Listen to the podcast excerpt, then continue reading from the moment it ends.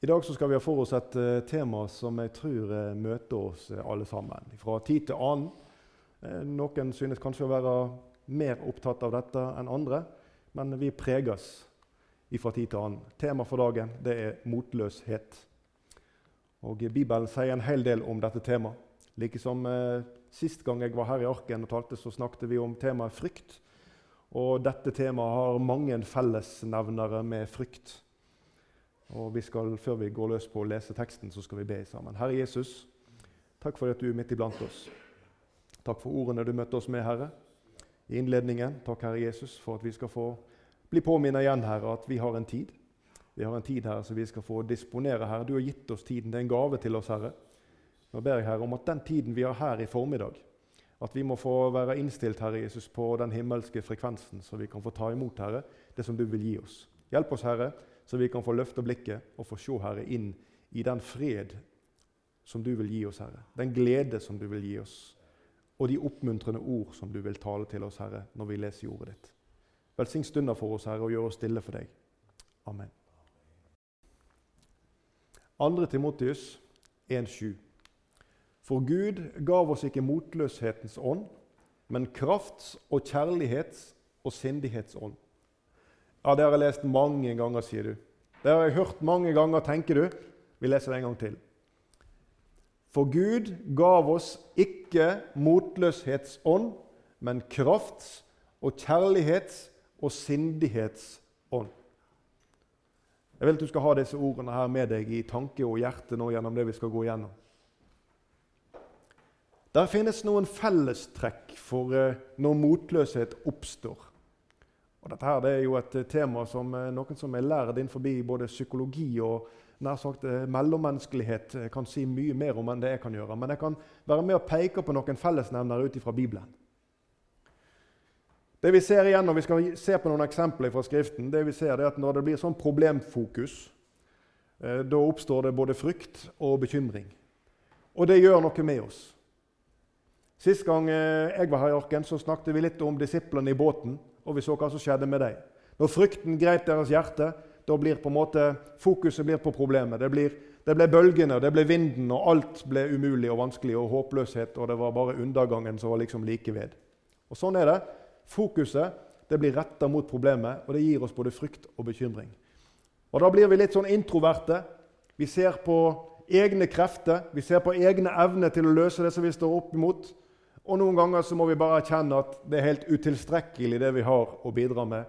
Og igjen så blir vi motløse og kanskje redde.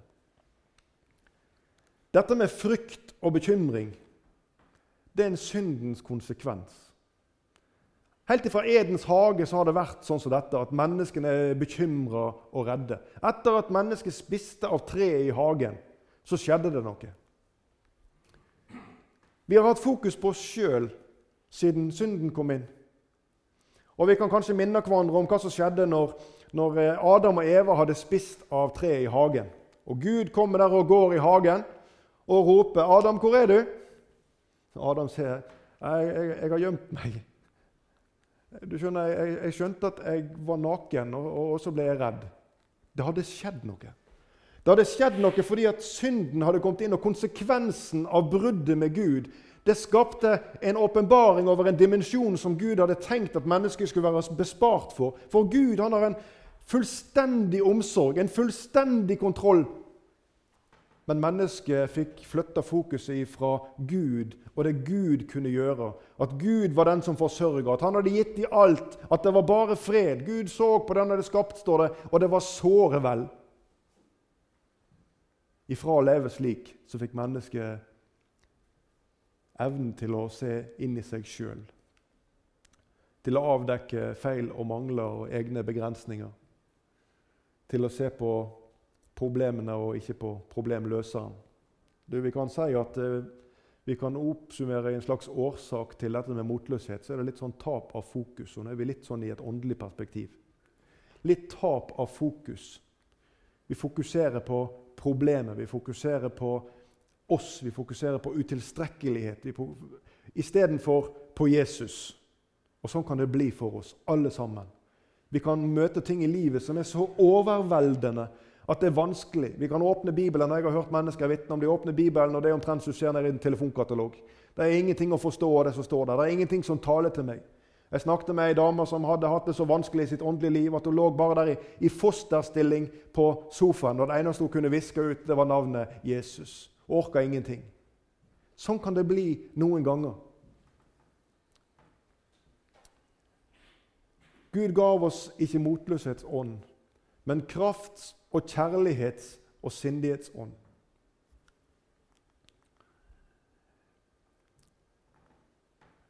Når Nehemia og folket Folket er kommet ut av fangenskapet i, i, Babel, og Nehemia har gått i gang og skal bygge og gjenreise muren rundt Jerusalem.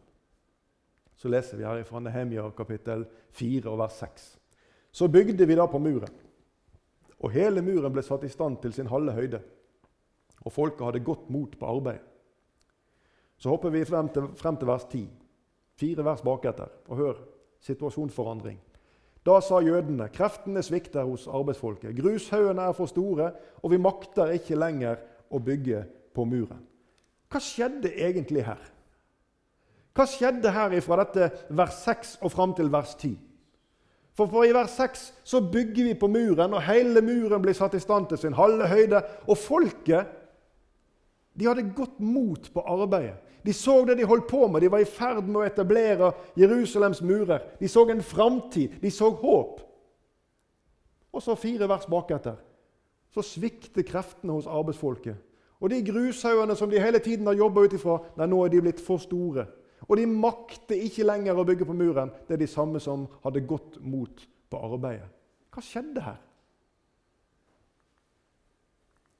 Noen ville sagt at eh, en pessimist han ser på flaska og han sier at eh, flaska den er, den er nesten han er halvtom.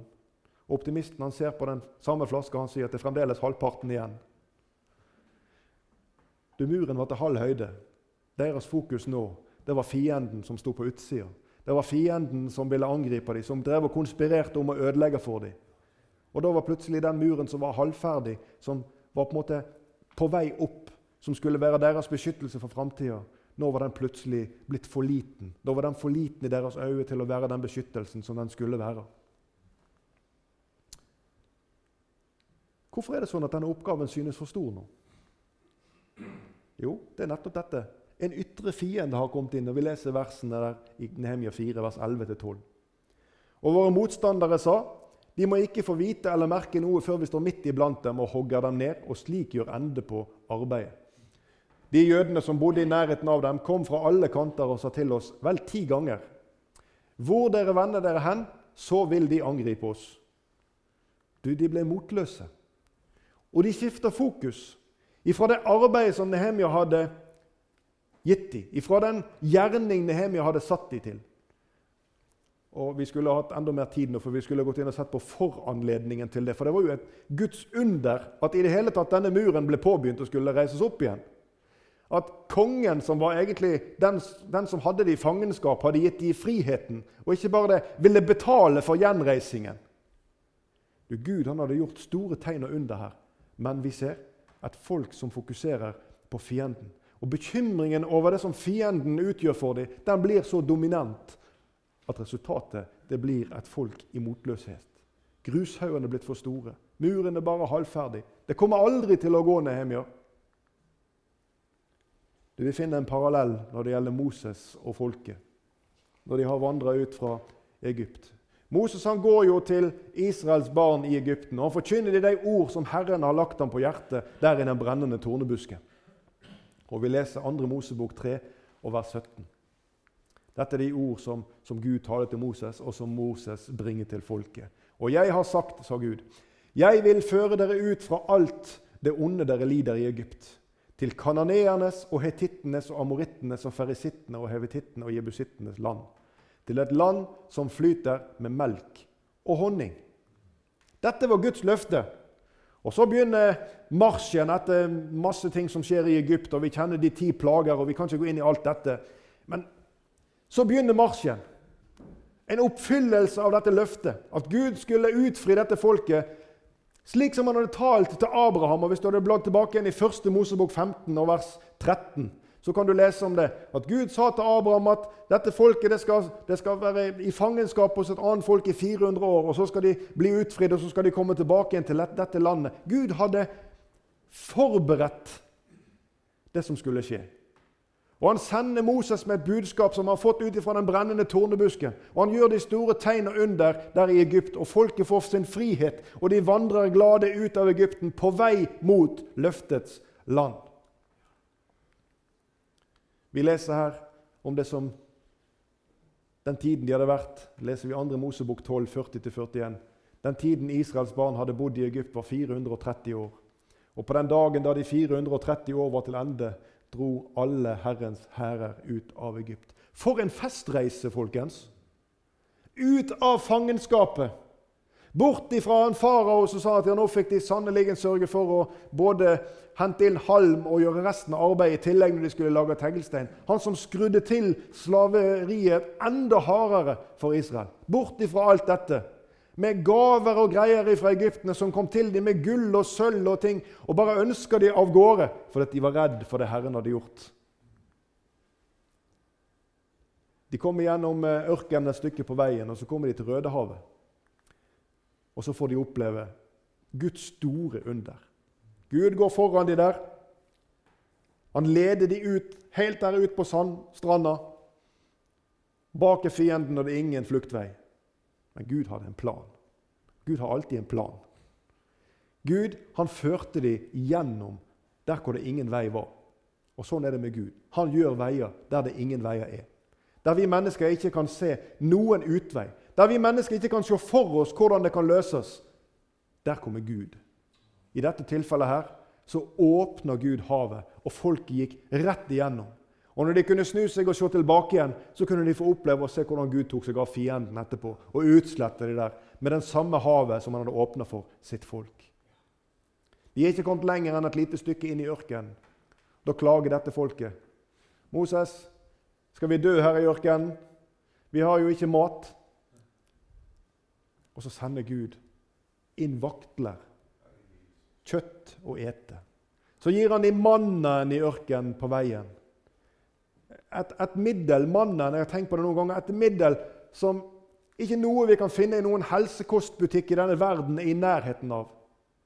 Hvis du skal prøve å finne deg en, en, en blanding, en cocktail av noe sånn her helsetilskudd, så vil det bli et utall med tabletter og medisiner og urter og jeg vet ikke hva, for å prøve å dekke opp de behovene som finnes i kroppen. Men Gud gav dem ett enkelt næringsmiddel. Det så ut som rim på marka, og det dekker alle behov. Halleluja. Det er bare Gud som gjør sånt. Han gir ett middel som dekker alle behov. Det gjorde han også når det gjaldt synden. Han ga ett middel. Han ga Jesu blod. Og det var nok.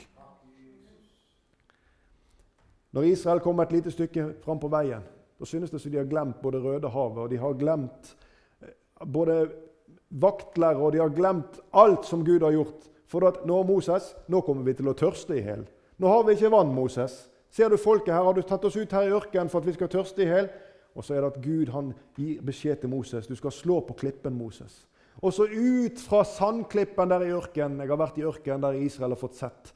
Når du banker på, altså, Å banke på denne sandsteinen og så kommer det ut vann. Ikke bare en liten kilde, men vann nok til å forsyne dyr og mennesker. En skare på kanskje så mye som to millioner mennesker fikk vann, friskt vann å drikke i ørken. Sånn er Gud.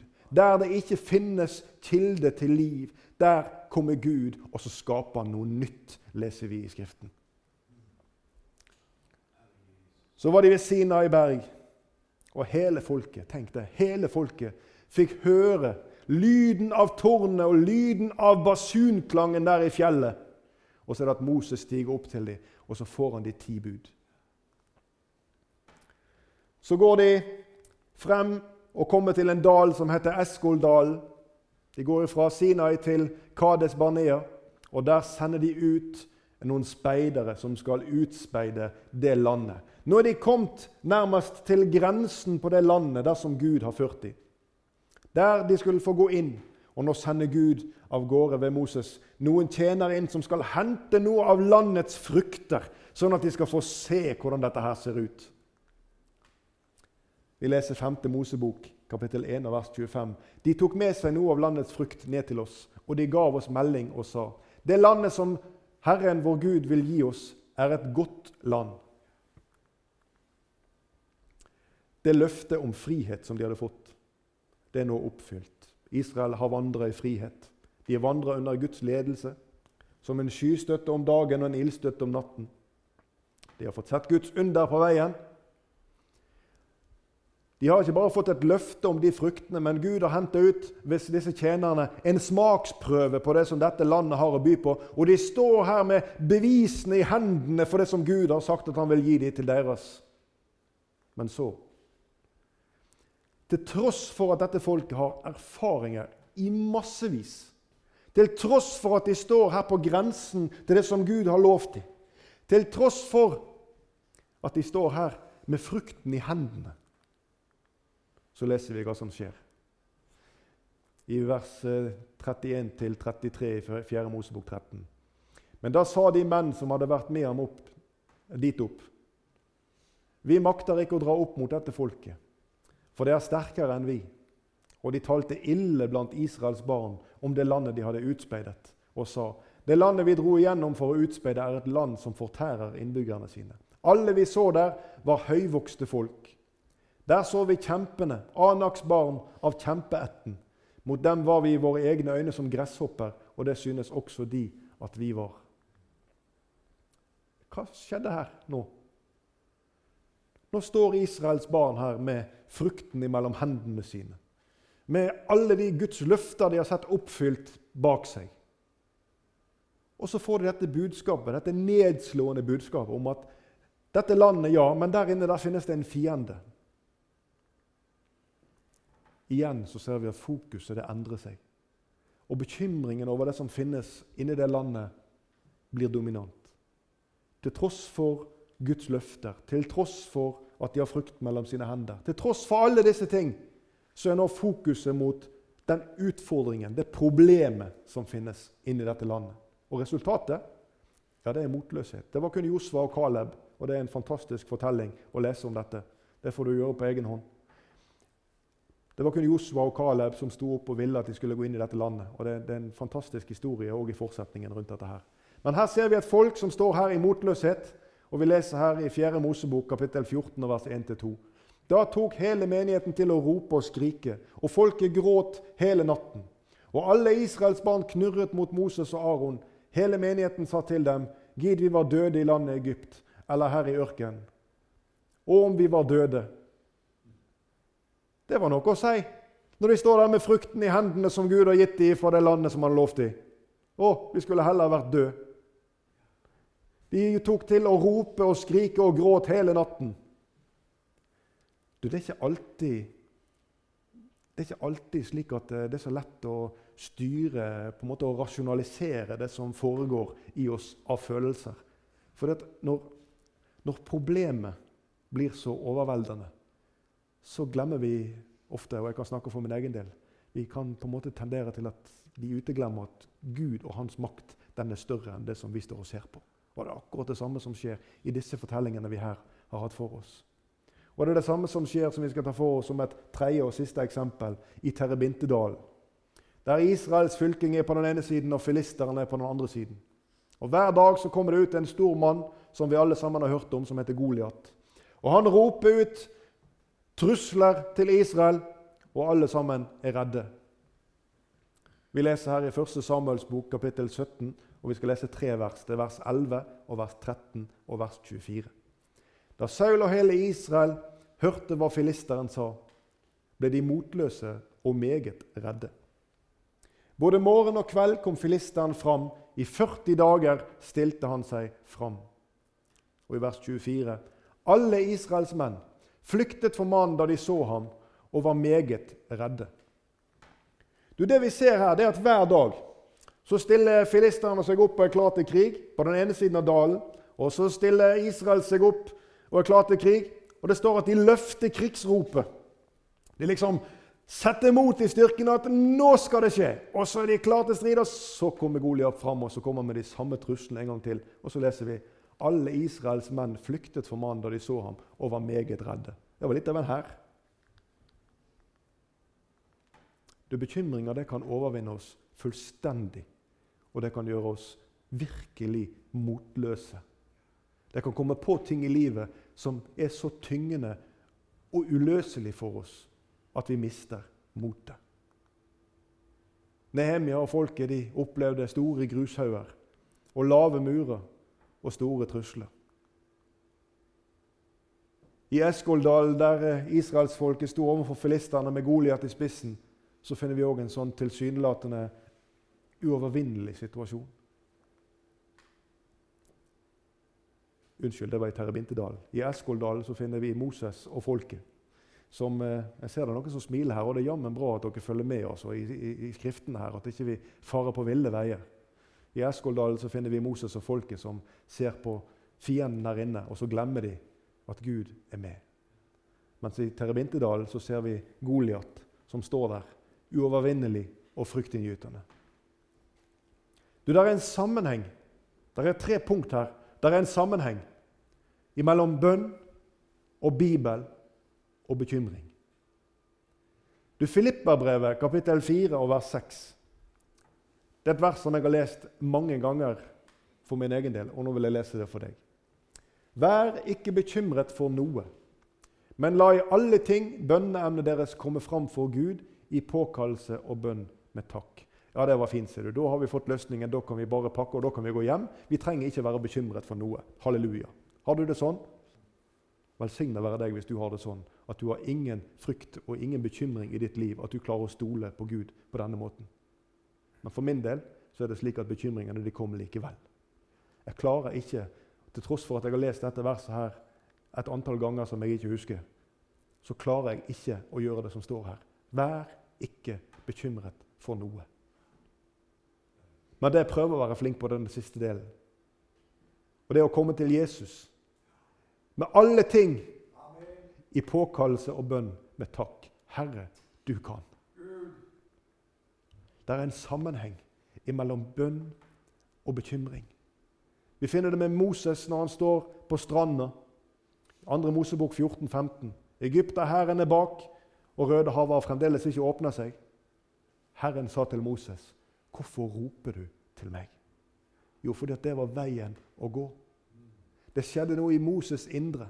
Vi leser ingenting om at Moses sto der og ropte med hendene mot himmelen, og at det var jordskjelv og lyn og basuner. Det var ikke sånn. Gud hørte Moses' hjerterop. 'Hvorfor roper du til meg?' Salmisten David han sier det i Salme 40. Jeg ventet, ja, ventet på Herren. Da bøyde han seg til meg og hørte mitt rop. Et rop til Herren. Det er en sammenheng mellom det å være bekymra og gå denne veien og rope til Herren for å finne løsning. Det er også en sammenheng mellom Bibelen, Guds ord, og det å være bekymra. Det å være motløs. Og Vi leser i Matteus 13, vers 22. Det er et veldig aktuelt vers. Jesus han eh, forklarer lignelsen om såmannen. og Her i det 22. verset så sier han om det kornet, det som ble sådd blant torner. Det er den som hører ordet, men tidens bekymring og rikdommens bedrag kveler ordet så det blir uten frukt. Slik kan det være for oss. Bekymringen kan frata oss det som ordet vil gi oss av trøst og av oppmuntring. For fokuset vårt ligger ikke der. Fokuset vårt ligger på problemet, på det som er vanskelig, det som gjør oss motløse. Egne begrensninger osv. Men det å rope til Jesus, det å søke inn i Ordet Så står det her Men ordet, den som hører Ordet Her så leser vi her, Men tiden bekymring og rikdommens bedrag kveler ordet, så det blir uten frukt. Du, Slik kan det bli. Budskapet fra Bibelen blir kvelt pga. motløshet og bekymringer. Og kanskje du har det sånn at tvil eller mismot på en måte har tatt tak i sinnet ditt. Kanskje du har det sånn som hører disse ordene her. Kanskje du har stått i en kamp i livet ditt som du synes er helt håpløs. Den har både vært lang og slitsom. Kanskje du har det sånn. Kanskje du ser på en utfordring som ligger foran deg og sier at dette er helt uløselig. Dette går ikke an å løse. Kanskje selve frelsesgleden eller vitnesbyrdet som du hadde om Jesus, som var stor, og som kunne gjøre og løse alt, kanskje det er blitt erstatta med usikkerhet. Kanskje du er redd for det som ligger foran. Kanskje du frykter for noe som du skal igjennom. Alt ifra eksamen til en operasjon. Gud veit. Hva er det egentlig som skjer, som gjør at det blir sånn? Hvordan blir det sånn at vi får disse, disse tankene som gjør at vi blir motløse, til tross for at vi veit Vi sang her nettopp før når vi begynte på denne talen her. Så sang vi en sang, en barnesang med ungene her. Og så sang vi 'Vi er på vinnerlaget'. Og jeg så masse smil der her. jeg vet ikke om det var fordi det var en sånn glad sang. Men saken er den at dette er sant, folkens, som vi sang om der. Ingen grunn til å klage. Vi er på vinnerlaget. Likevel så går vi hjem igjen og hver til oss, og så fanges vi inn igjen av hverdagens mas og kjas. Og så tynges vi ned av ulike ting, og så blir vi fanga i motløshet. Fins det noe fellestrekk fra de tingene vi har hatt for oss i dag? Med det som du opplever? Vi var innom Nehemia og folket og fokus på fienden og fienden sin styrke. Og Det samme skjedde hos Moses. Var, her ser vi at folket de var også fokusert på denne fienden, Anaks barn av kjempeætten, og synes at dette her, det var helt umulig. Eller i Terrebintedalen. Du skal vite at I Terrebintedalen så var folket bare lamslått av frykt. De hadde ennå ikke møtt Goliat. De hadde bare hørt Goliat. Og slik er djevelen også i dag. Han brøler ut imot Herrens, Herrens folk og taler ord som skaper frykt og tvil og usikkerhet, og som gir motløshet. Han ønsker å kvelve innover deg alt, så du skal få miste motet fullstendig og si at det nytter ikke. Og så vil han gjerne få lov til å fortelle deg hvor utilstrekkelig du er i ditt kristne liv. At sånn som du er, sånn som du har gjort og sagt og tenkt, så kan du umulig være en kristen. Og dersom du i alle fall skulle prøve på det, så må du sannelig rydde opp på egen hånd først. Slik taler han til oss, og så gjør han oss usikre og motløse. Goliat kommer i mange varianter, og jeg tror vi har møtt han mange. Så hvordan håndterer vi dette her? Hvordan håndterer vi denne motløsheten? Hva skal vi gjøre? Det er jo spørsmålet i første krønikerbok, kapittel 16, av vers 12. Kom i hug hans undergjerninger, som han har gjort. Hans under og dommene av hans munn. Jeg har ikke streket under noe i dette verset, her, men hvis jeg skulle gjøre det, så måtte det være under den som utfører. Kom i hug hans undergjerninger, som han har gjort. Hans under og dommer av hans munn. Gud er herre over alle ting. Og tro og tillit det skapes i omgang med Guds ord. Når Gud får tale ved sin ånd og åpenbare de ting som han har gjort i fordums tid, så får vi et annet bilde. Vi får en annen forståelse av Guds dimensjon. Og det blir dagsaktuelt for oss at når vi står overfor det uovervinnelige i våre egne øyne, så har vi med en Gud å gjøre som er allmektig. Halleluja. Stille her nede i salen. I Jeremia 33 og vers 3. Rop til meg. Rop til meg, og jeg vil svare deg. Jeg vil forkynne deg noen småting. Nei. Jeg vil forkynne deg store og ufattelige ting som du ikke kjenner. For tenk det, at sånn er Gud. Når disiplene kommer til Jesus og, Jesus, og spør Jesus Han sitter der ved brønn, ved Sykars brønn om han skal ha mat. 'Er ikke du sulten?' 'Nei, jeg har spist', sier Jesus. 'Å, hadde du mat?' Og så sier Jesus noen nøkkelord til disiplene. Han sier, 'Jeg har mat som dere ikke vet om'. Halleluja! For sånn er Jesus.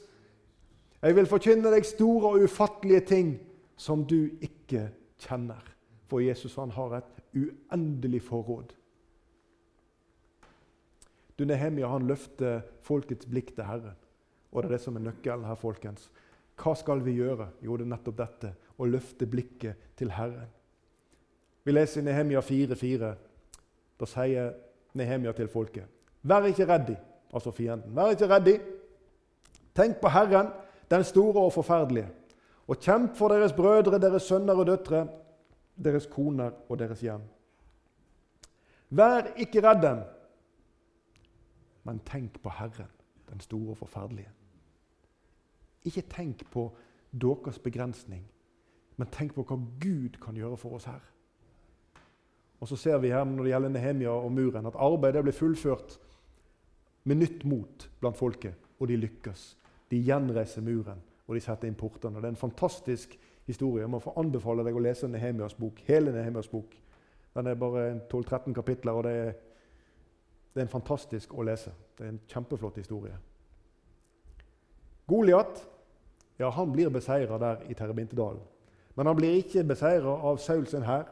Han blir ikke beseira av David iført Saul sine hemmelige våpen. Han blir beseira av David, gjetergutten, han som ingen hadde regnet med.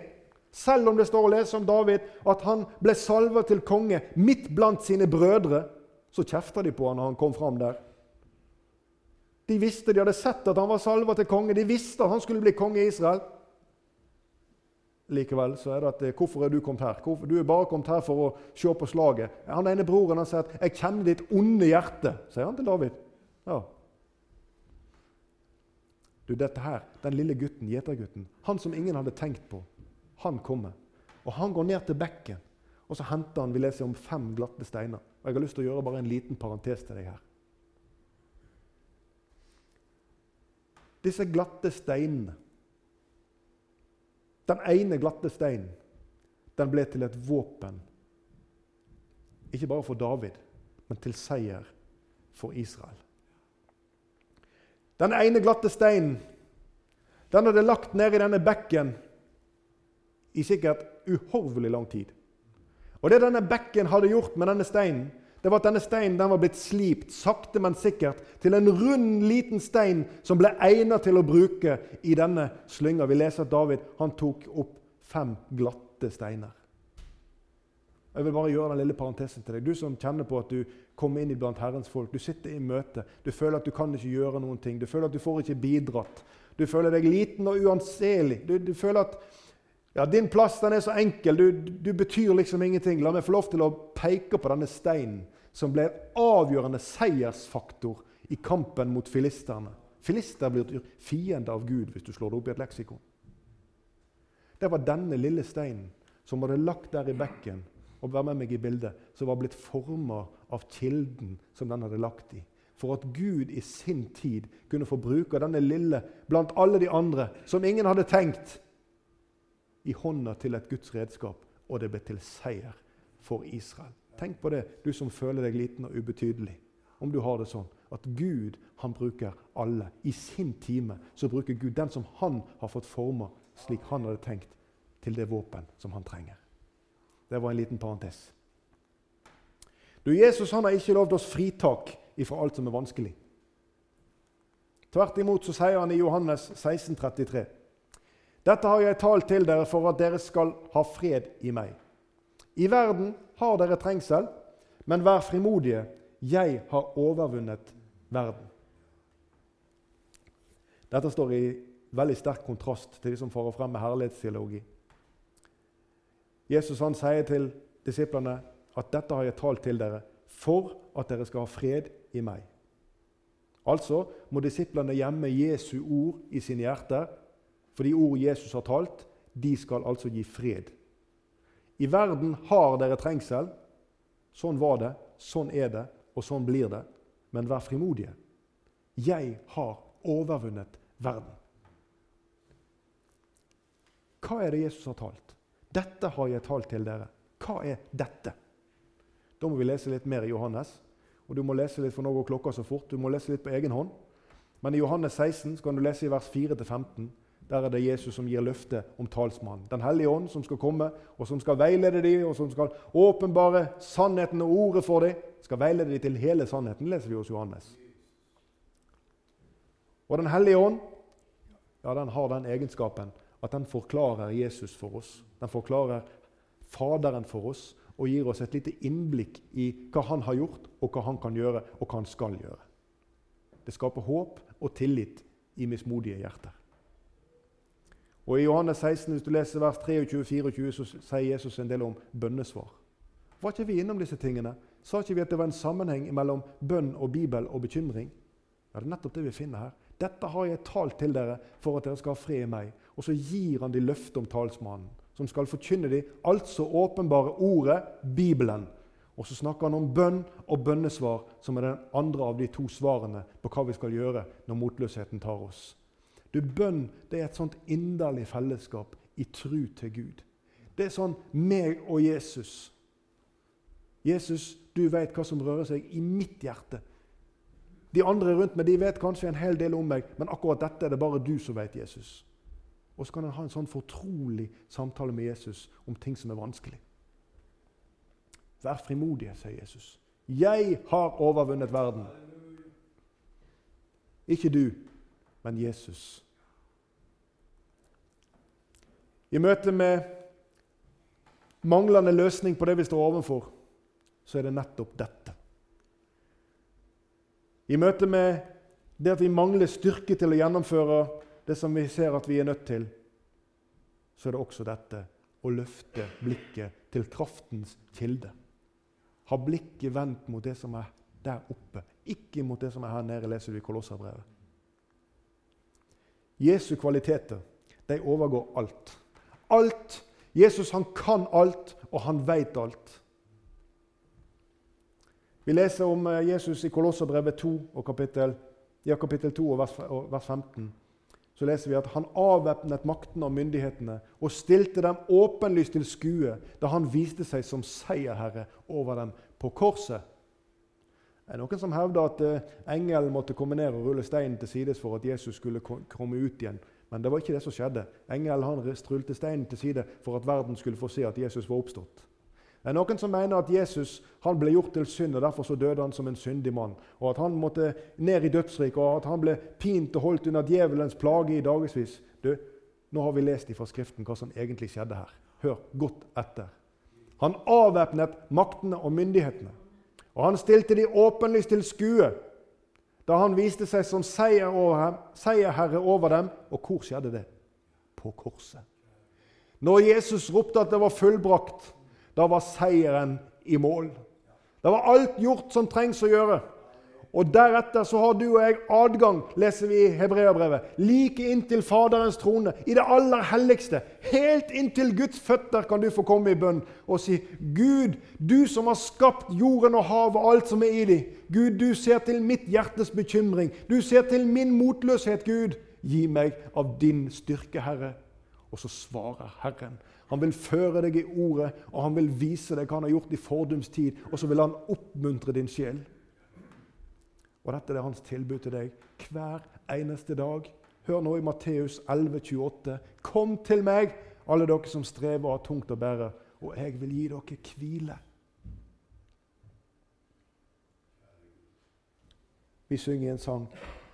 Han har beseiret alt det onde, overvunnet dødens makt. Jord og himmel, allting er ham underlagt. Han er universets herre, osv. Du kjenner sangen. Det er denne Jesus vi kan komme til. Det er denne Jesus som sier, 'Kom til meg, alle som strever og har tungt å bære, og jeg vil gi dere hvile.' Det er denne seierherren som vi synger om her.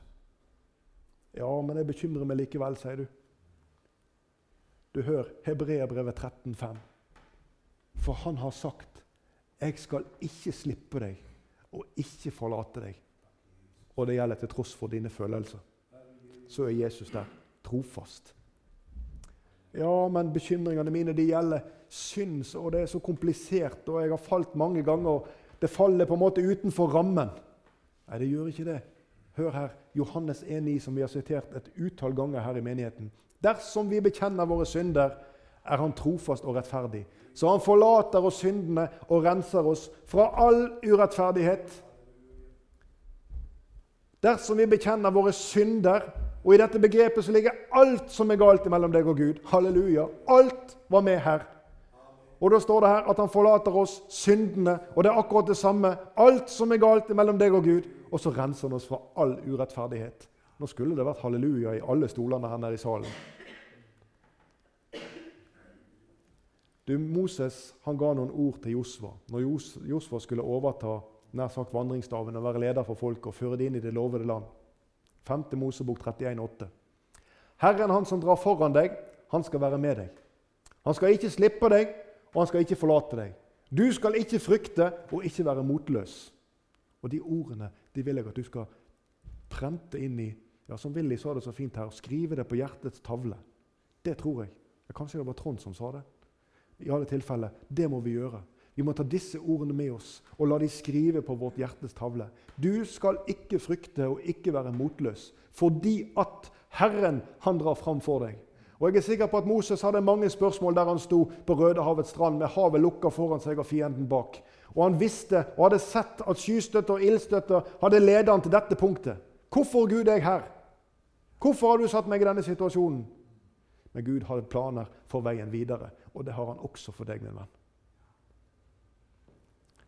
Du skal flytte fokuset ifra det du ikke kan, til det som han kan. For Gud gav oss ikke motløshetens ånd, men krafts- og kjærlighets- og sindighetsånd. Jeg skal sitere en sang til dere her mot slutten. Hvil deg i Jesus, prøvede sjel. Hvil deg i Jesus, alt blir da vel. Legg bare trøstig allting på ham. Ingen som tror ham, kommer på skam. Angst og bekymring, uro og sorg Fly som en fugl med alt til din borg.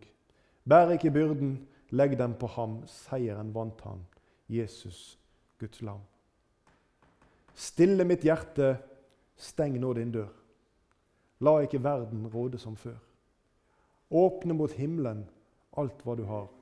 Drikk av dens strømmer og fyll dine kar. Herre, takk for ordet ditt, Herre. Og vi ber om hjelp Herre, til å sortere i alt det nå vi har hørt. Vi ber Herre Jesus om at du skal minne oss om ditt ord, Herre. Minne oss om din seier. Minne oss om din makt, Herre. Minne oss om det du har gjort i fordums tid, Herre. Og hjelp oss, Herre Jesus, at ordet ditt taler til oss, slik at vi kan fatte mot på nytt og på nytt, Herre. Herre, når vi igjen og igjen senker blikket Herre, og fokuserer på alt som er rundt oss, hjelp oss på nytt å løfte blikket til deg, Herre. Og så vil du gi oss krefter og nytt mot etter ditt eget løfte, Herre. Takk at du er den du har sagt deg å være. Amen.